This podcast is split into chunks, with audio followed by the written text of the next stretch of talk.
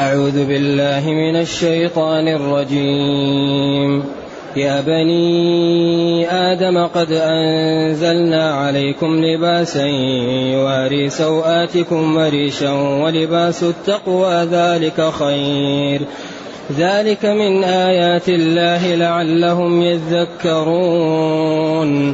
يا بني آدم لا يفتننكم الشيطان كما أخرج أبويكم من الجنة ينزع عنهما ينزع عنهما لباسهما ليريهما سوآتهما إنه يراكم هو وقبيله من حيث لا ترونهم إنا جعلنا الشياطين أولياء للذين لا يؤمنون وإذا فعلوا فاحشة قالوا وجدنا عليها آباءنا والله أمرنا بها قل إن الله لا يأمر بالفحشاء أتقولون على الله ما لا تعلمون قل أمر ربي بالقسط وأقيموا وجوهكم عند كل مسجد وادعوه مخلصين له الدين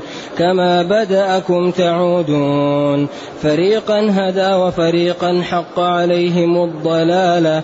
إنهم اتخذوا الشياطين أولياء من دون الله ويحسبون. إنهم اتخذوا الشياطين أولياء من دون الله ويحسبون أنهم مهتدون.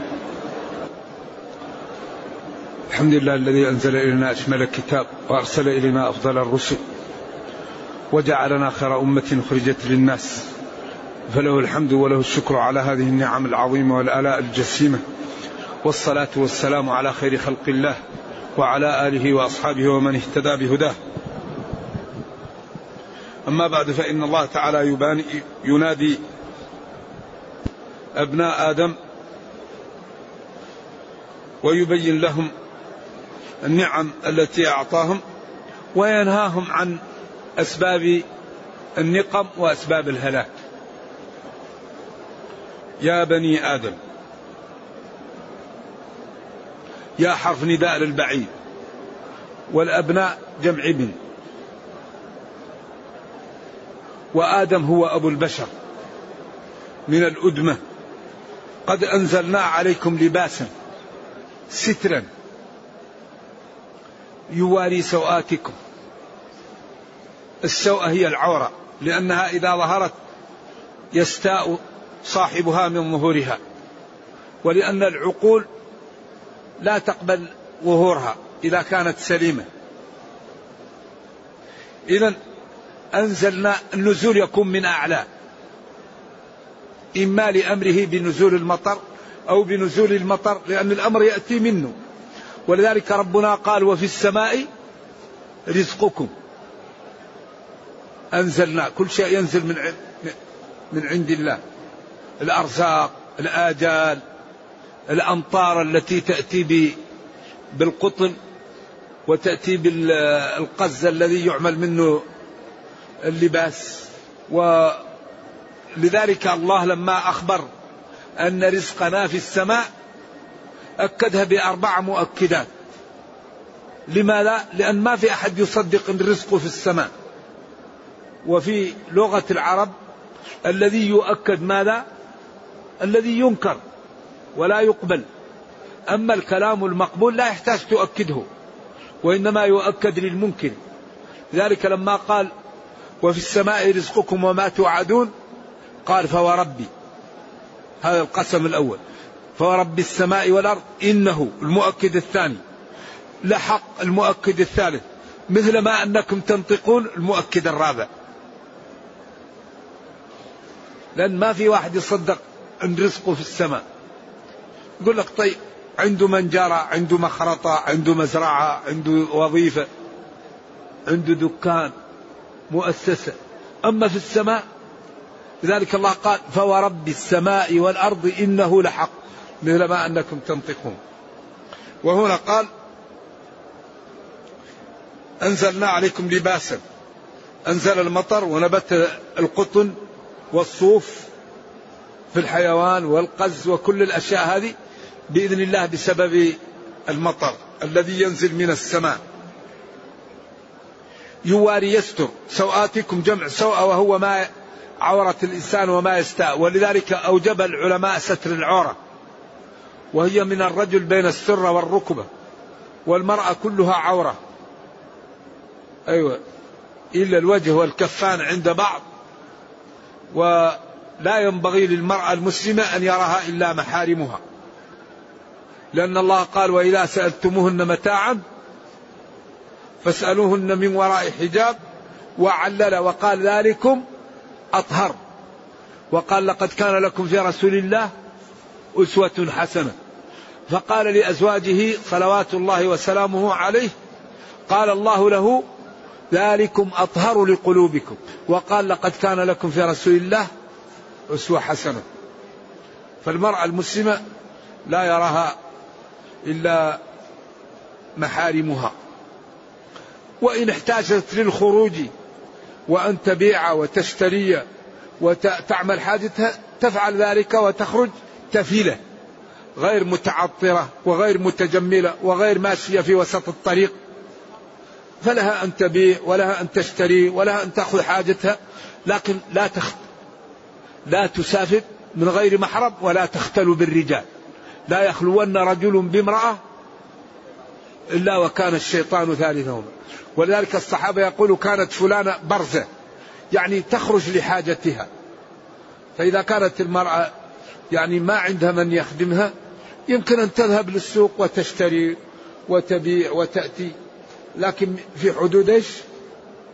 الشرع ولها ذمة وتبيع وتشتري وتملك.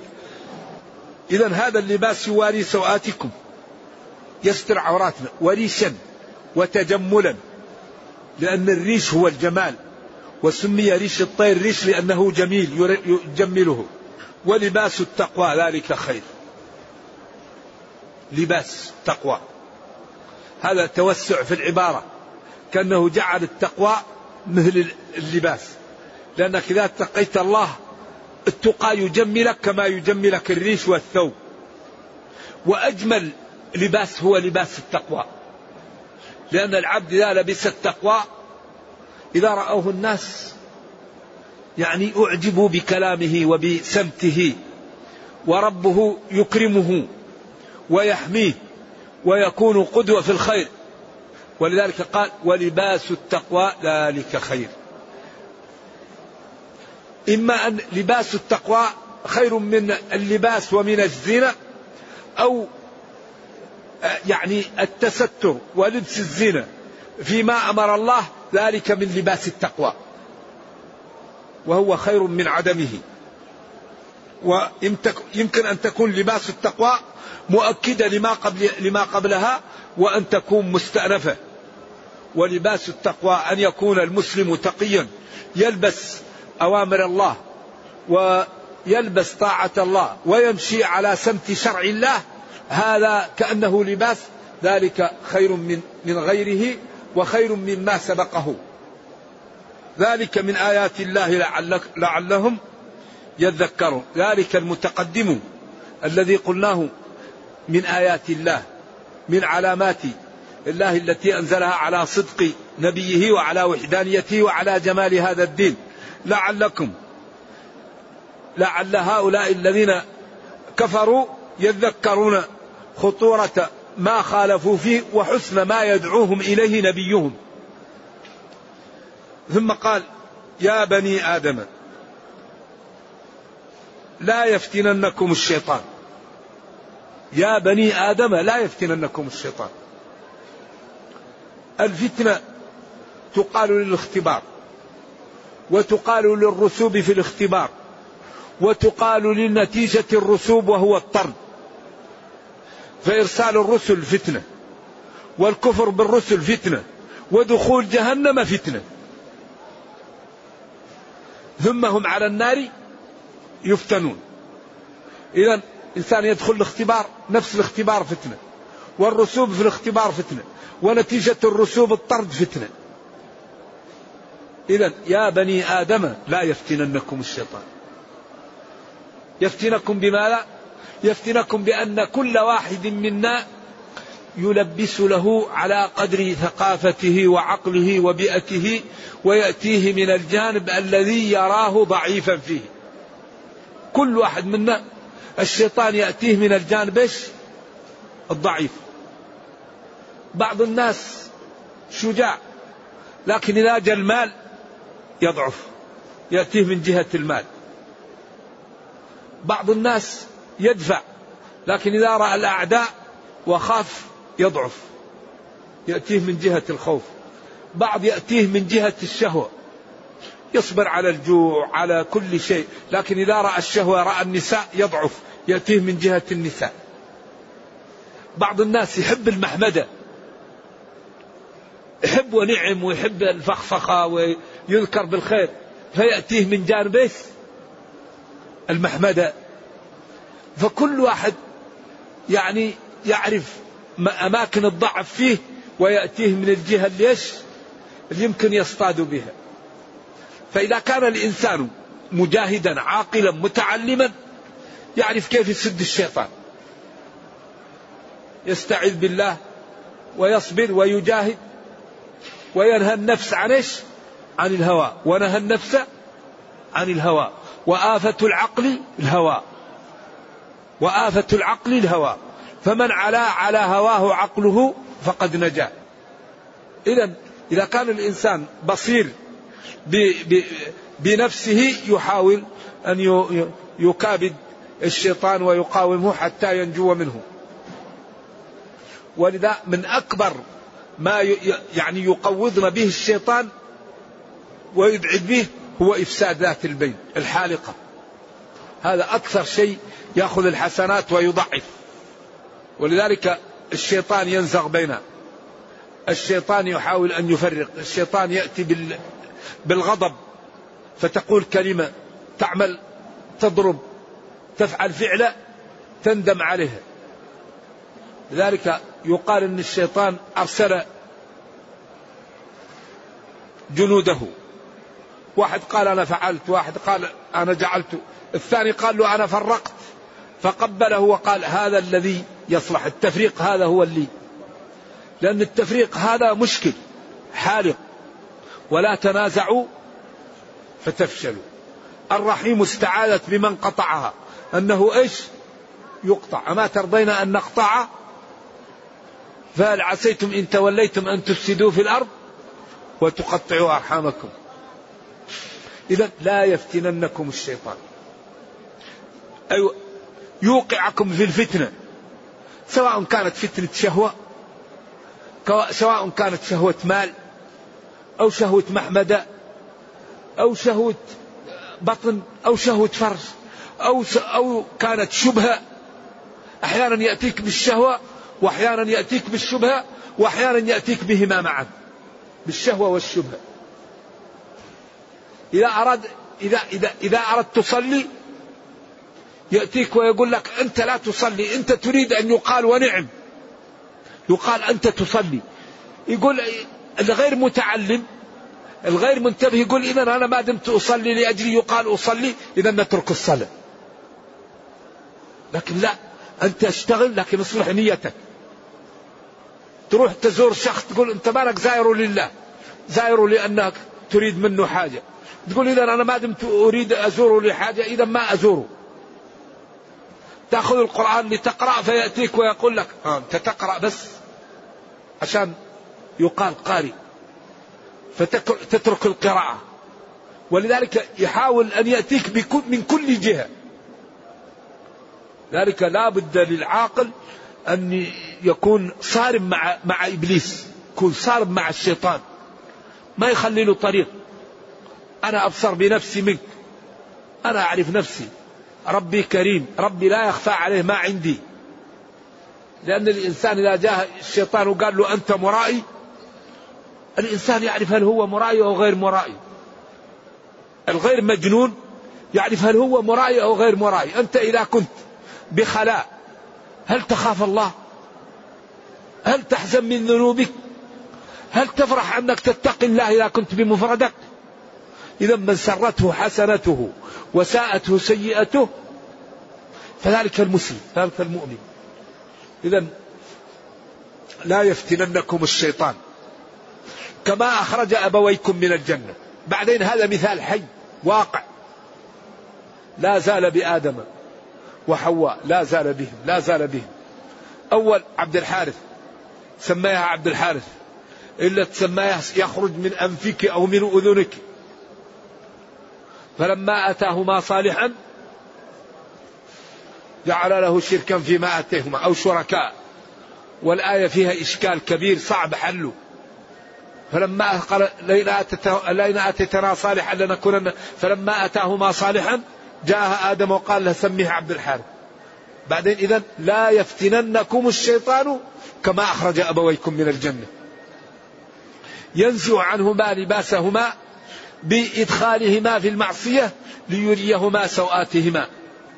والمشكلة الكبيرة إنه يرانا هو وقبيله. إنه يراكم هو وقبيله من حيث لا ترونهم. إنه أي الشيطان وقبيله جنده وأتباعه وأولاده يروكم من حيث لا ترونهم. وطيب وما دام العدو يراك ومتسلط عليك وأنت لا تراه ينبغي ما لا أن تحذر منه أن تتسلح أن تنتبه أن تبتعد عن موارده التي يأتيك منها. قال العلماء هذا في الغالب في الغالب أن الشيطان لا يرى. لكن ثبت في الأحاديث أن الشيطان قد يتشكل وأبو هريرة جاءه وكان عنده مال للصدقة وقال له مسكين فقال له ما فعل أسيرك؟ قال له أنا لا أعود. قال له كذب عليك. ثم جاء المرة الأخرى وقال له لا أعود. قال له كذب عليك. قال له أنا أذهب بك إلى رسول الله صلى الله عليه وسلم. قال له فكني وأقول لك شيئا لا يأتيك منه الشيطان. قال له إذا قرأت آية الكرسي والحديث الصحيح قال له صدقك وهو كذوب. صدقك وهو كذوب. يعني هو كذاب لكن في هذه الصدقة. قال إذا آية الكرسي والاستعاذة بالله وسورة البقرة والأدعية المعوذتان يعني في هناك آيات وأدعية بإذن الله تعالى واستقامة وطهارة والتجاء إلى الله بإذن الله تعالى. تحمي المسلم من إيش؟ من الشياطين. لأن العبد إذا اتقى الله والتجأ إليه وقام بالأدعية الواردة أدعية سلاح يتسلح به المسلم أدعية الصباح والمساء والأدعية كل شيء له دعاء. ولذلك فيه كتب اسمها اسمها عمل اليوم والليلة. ماذا تفعل بعد الظهر بعد المغرب بعد العشاء في, في بداية الفجر في بداية الليل. إذا رأيت مبتلان إذا جاءتك نعمة إذا خفت إذا إذا جاءك قلق أرق. كل شيء له علاج. لذلك هذه الأدعية وهذه الأذكار ينبغي للمسلم أن يصحبها. بإذن الله تعالى هي أسباب تحمي كما أن الأكل والشرب يحمي الإنسان ويعيش بهم. لكن بإرادة الله وبقدره. إذا يا بني آدم لا يفتننكم الشيطان كما أخرج أب... كما فتن أبويكم فأخرجهما من الجنة ينزع عنهما لباسهما. لما أكلا من الشجرة كان لهما لباس نور أو أظفار أو غيره. ليريهما سوآتهما إنه يراكم هو وقبيله من حيث لا ترونهم. ثم قال إنا جعلنا الشياطين أولياء للذين لا يؤمنون. الشياطين جمع شيطان. والشيطان كل عات متمرد. كل عات متمرد يسمى شيطان سواء كان من الإنس أو من الجن. قال شياطين الإنس والجن. وقال وكن يهوينني إذ كنت شيطانا. جليل. أيام يدعونني الشيطان من غزلي وكن يهوينني إذ كنت شيطانا. كنت عات متمرد يعني. فأولياء أصدقاء وأصفياء للذين لا يؤمنون. إذا جعلنا الشياطين أولياء للذين لا يؤمنون وهؤلاء شياطين آخرين.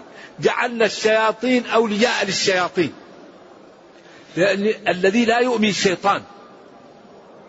لكن هذا من الإنس وهذا من الجن.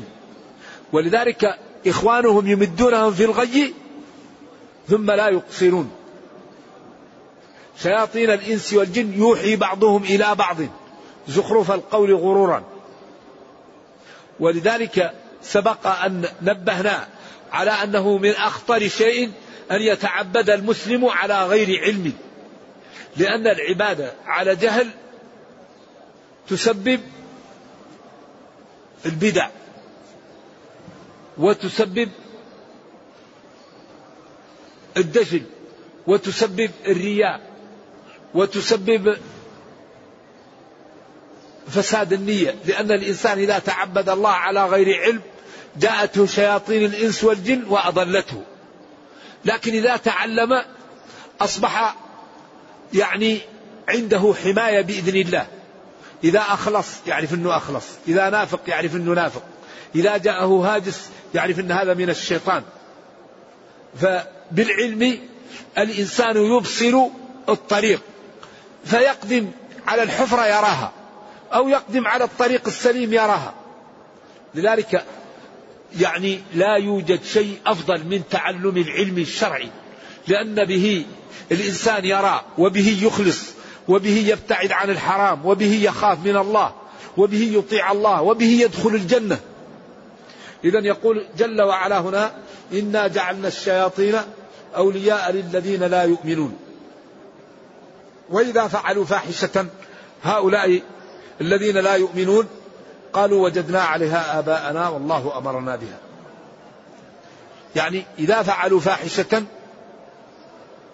قالوا وجدنا عليها آباءنا. وهذه من أكبر أسباب الانحراف في العالم الإسلامي. وجدنا آباءنا عليها. طالب من بلد إسلامي أكرمه الله بمنحة في الجامعة الإسلامية. ودرس الدين ودرس الفقه ودرس التوحيد وفهم كثيرا من الأخطاء الموجودة في بلده فجاء هذا الطالب للبلد وقال لهم دعاء غير الله لا يجوز لأن الله يقول أمن يجيب المضطر إذا دعاه ويقول أمن خلق السماوات والأرض فجعل إجابة المضطر مثل خلق السماوات والأرض يقول له عجيب أنت أعلم من آبائنا وأجدادنا وجدنا عليها آباءنا. هذه مشكلة. أبي قال ما يصلح. اتبعوا ما أنزل إليكم. لذلك يجد نص نص. إذا جاء أحدكم المسجد والإمام يخطب إيش؟ فلا يجلس حتى يصلي ركعتين. إذا جاء أحدكم المسجد والإمام يخطب جملة حالية. جاء والحال أن الإمام يخطب فلا يجلس فيصلي ركعتين. طيب يقول عجيب أنت أعلم من مالك ومن أبي حنيفة؟ مالك وأبو حنيفة رضي الله عنهما قالوا إذا صح الحديث فهو مذهبي وهنا صح الحديث. واجلس فقد آذيت ومن مس الحصى فقد روى. هذه عمومات. أما إذا جاء أحدكم المسجد والإمام يخطب إيش؟ هذا نص صحيح صريح في محل النزاع. هذا نص صحيح صريح في محل النزاع. أما اجلس فقد آذيت ومن مس الحصى فلا جمعة له. هذه عمومات. أما أج... أما فليصلي ركعتين وفي بعض الروايات فليتجوز فيهما إيش؟ هذا نص صريح. ما هو قابل لل أيوه نص صريح ما ما هو قابل إلا إذا كان إلا إذا ادعي النسخ والنسخ يحتاج إلى إيش؟ إلى دليل لأنه رفع الحكم ولا يرفع الحكم إلا بحكم واضح الرفع. اذا قالوا وجدنا عليها آباءنا. لا لا يغتر العاقل بما قال الآباء أو الأشياخ أو بما في المذهب يقبل الحق ويرفض الخطأ. المسلم يتعود على قبول الحق ويتعود على رفض الخطأ. إذا فعل هذا أصبحت حياته مباركة وعلمه القليل مبارك. وإذا أخطأ الله يسامحه. لأن لأن الإنسان إذا أخطأ لا يعذب الإنسان وهو مخطئ. رفع عن أمتي الخطأ. لكن التعمد واحد يقال له هذا الحديث صحيح. يقول لا أبي ما قال به هو. النص فوق الجميع. النصوص معصومة. النص معصوم. أيوة، لكن آراء العلماء مباركة وأفضل من آرائنا. وخير لنا من اجتهادنا. لكن إذا جاء النص يقدم على كل قول. والله أمرنا بها. إذا قالوا قولين. قالوا وجدنا آباءنا على هذا. والله أمرنا بها. قال الله لهم ردا عليهم قل إن الله لا يأمر بالفحشاء لأن هذا الذي قلتم فحشاء والله لا يأمر به. أيوة. أتقولون على الله ما لا تعلمون؟ إذا ما الذي أمر الله به؟ قل لهم يا نبي أمر ربي بالقسط. ما أجمل هذا الكلام. وما أنفعه لمن تدبره وعمل به. قل أمر ربي بالقسط. أمر. ربي خالقي مدبر أمري منشئ الكون بالقسط بالعدل. حرم الظلم وحرم الزنا وحرم الربا وحرم الفواحش وحرم النميمة وحرم النجش وحرم ترك الصلاة حرم الفواحش. أمر ربي بالقسط. أمر بالعدل. ثم قال وأقيموا وجوهكم عند كل مسجد. هل اخلصوا لله؟ أو أقيموا يعني نيتكم عند كل عبادة سجود. مكان السجود أو وقت السجود. وادعوه أي الله. مخلصين له الدين. لا تشركوا به غيره. لا تطلبوا إلا من الله. ما تحتاجونه الله يعطيه. كما بدأكم تعودون. ولذا أكبر دليل على على على على على, على الإعادة النشأة الأولى كما بدأكم. قل يحييها الذي أنشأها أول مرة. أليس الذي خلق السماوات والأرض بقادر على أن يخلق مثلهم لخلق السماوات والأرض أكبر من خلق الناس. وهنا يكمن التخويف والترغيب وأخذ ما يقول بالجدية. هذا الكلام يجعل من يفهم يخاف ويمتثل الأوامر ويجتنب النواهي.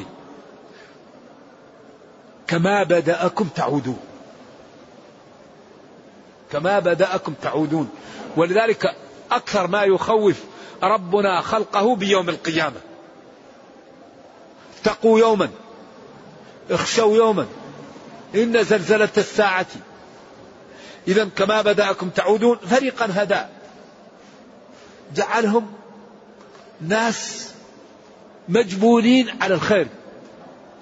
لا يحب إلا الطهارة لا يحب إلا الصلاة لا يحب إلا الذكر الاستغفار مساعدة الناس ستر الأمور نفع الناس لم الناس إصلاح ذات البين فريقا هدى. تجده دائما يمشي في الخير. فلان مريض نزوره فلان يحتاج نساعده.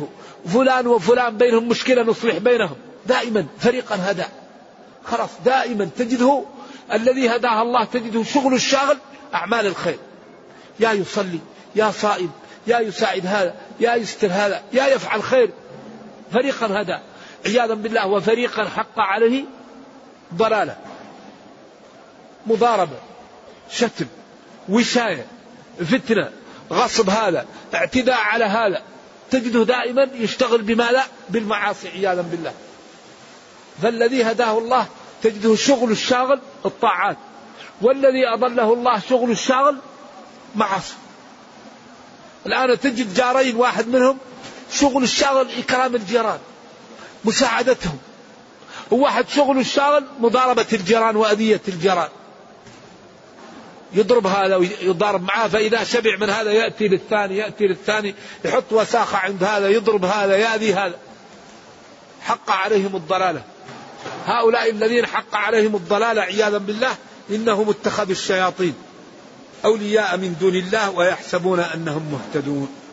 هؤلاء الذين اتخذوا الشياطين أولياء من دون الله ويظنون ويعتقدون أنهم مهتدون وهؤلاء عياذا بالله لا يتوبون لأن الذي يعمل الفواحش ويظن أنه خير قل أنبئكم بالأخسرين أعمالا. الذين ضل سعيهم في الحياة الدنيا وهم يحسبون أنهم يحسنون صنعا. وأخطر شيء البدع لأن البدع أصحابها يظنون أنهم على خير فلا يتوب من البدعة فيبقى على البدعة حتى يموت. لكن المسلم إذا عصى يعرف أنه عصى هو ما ظن للتوبة. لذلك أخطر ما يواجه الناس البدع. البدع البدع البدع. ولا يستقل شيء من البدع. كل بدعة ضلالة. في فيما جاء عن الله غنية. هؤلاء اتخذوا الشياطين أولياء من دون الله. يسنون لهم يحرمون يفعلون ويحسبون أنهم مهتدون. لذلك الذي يحمي من البدع ما هو؟ السنة. السنة. السنة هي التي تحمي. والإنسان يجعل قلبه تبعا لما جاء به النبي صلى الله عليه وسلم. إذا سمع نصا عن الله أو عن رسوله يقول سمعا وطاعة. فإذا فعل ذلك حتى إذا أخطأ ربنا يسامحه. ولا يعذبه. لكن يجد النص ويقال له هذا نص من الله يتركه لرأي آخر هذا لا ينبغي للمسلم. والحقيقة أن البدع يعني مع الأسف تجد بعض الناس يروج للبدع ويفرح بالبدع. و و وما جاء فيه غنية الأدعية الواردة تكفي الصلاة الواردة تكفي الصدقة الواردة تكفي الأذكار الواردة تكفي. لذلك لماذا نحن نبتدئ؟ الأعياد التي وردت من الشرع تكفي. إذا نحن نتبع ما جاءنا ولا نأتي بصلاة ما من عندنا ولا نأتي بأدعية من عندنا ولا نأتي بأعياد من عندنا ولا نأتي بأذكار نجعلها سنة من عندنا. عندنا دين الله قال اليوم أكملت لكم دينكم. فنتبع. ولذلك مما يحمي في هذا كتاب الشاطبي الاعتصام. الاعتصام بالكتاب والسنة. هو يبين البدع وخطورتها. ولذلك نبينا صلى الله عليه وسلم قال كل بدعة ضلالة. وكثيرا ما يقوض العمل الإسلامي أهل البدع. ولذلك هم يضعفون وهم الذين يأتون للمسلمين بالمشاكل. نرجو الله جل وعلا أن يبعدنا من البدع وأن يخلص لنا نياتنا. اللهم إنا نسألك أن تخلص نياتنا وأن ترزقنا اتباع السنة وأن تفهمنا القرآن. اللهم أرنا الحق حقا وارزقنا اتباعه وأرنا الباطل باطلا وارزقنا اجتنابه. ولا تجعل الأمر ملتبسا علينا فنضل. ربنا أتنا في الدنيا حسنة وفي الآخرة حسنة وقنا عذاب النار. سبحان ربك رب العزة عما يصفون وسلام على المرسلين والحمد لله رب العالمين. نقلل بس الأسئلة لا نطيل على الإخوان. يقول اتصل ب يعني أهله أو خطيبته وتكلم معها فأتته الشهوة وحصل منه شيء. نهارك فسد تصوم نهارك. تعيد هذا اليوم. يقول كم هي المحاور التي يدور حولها القرآن الكريم؟ مثل الترغيب والترهيب وما هي وما. أني أحبك في الله أحبك الله. يا القرآن جاء يتكلم على سبع علوم. وهذه العلوم تتكرر في القرآن. كل القرآن يردد سبع علوم التوحيد والنبوات والميعاد يوم القيامة والأحكام. والوعد والوعيد والقصص. هذه الأحكام كل لا يمكن تقرأ آية إلا في واحد من الأمور الخمسة السبعة. وقد تتداخل. يقول لماذا لا تأتي كل يوم إلى هذا الدرس المبارك ونخرج منه ونحن متحابون في الله؟ وليس على إن شاء الله أننا نتحابين الحمد لله المسلمون بخير ومتحابون الحمد لله وأمورنا طيبة. والمسلمون بخير الحمد لله أمرهم طيب. وكل يوم إن شاء الله الأمر بخير يا رب لك الحمد. يقول عنده مريض فإذا قرئ عليه القرآن يصرع أنا أخاف يكون يصرعه هذا الذي يقرأ عليه. وننزل من القرآن ما هو شفاء. لكن أنا أخاف يكون القارئ هو اللي يصرعه أيوة. أيوة لا.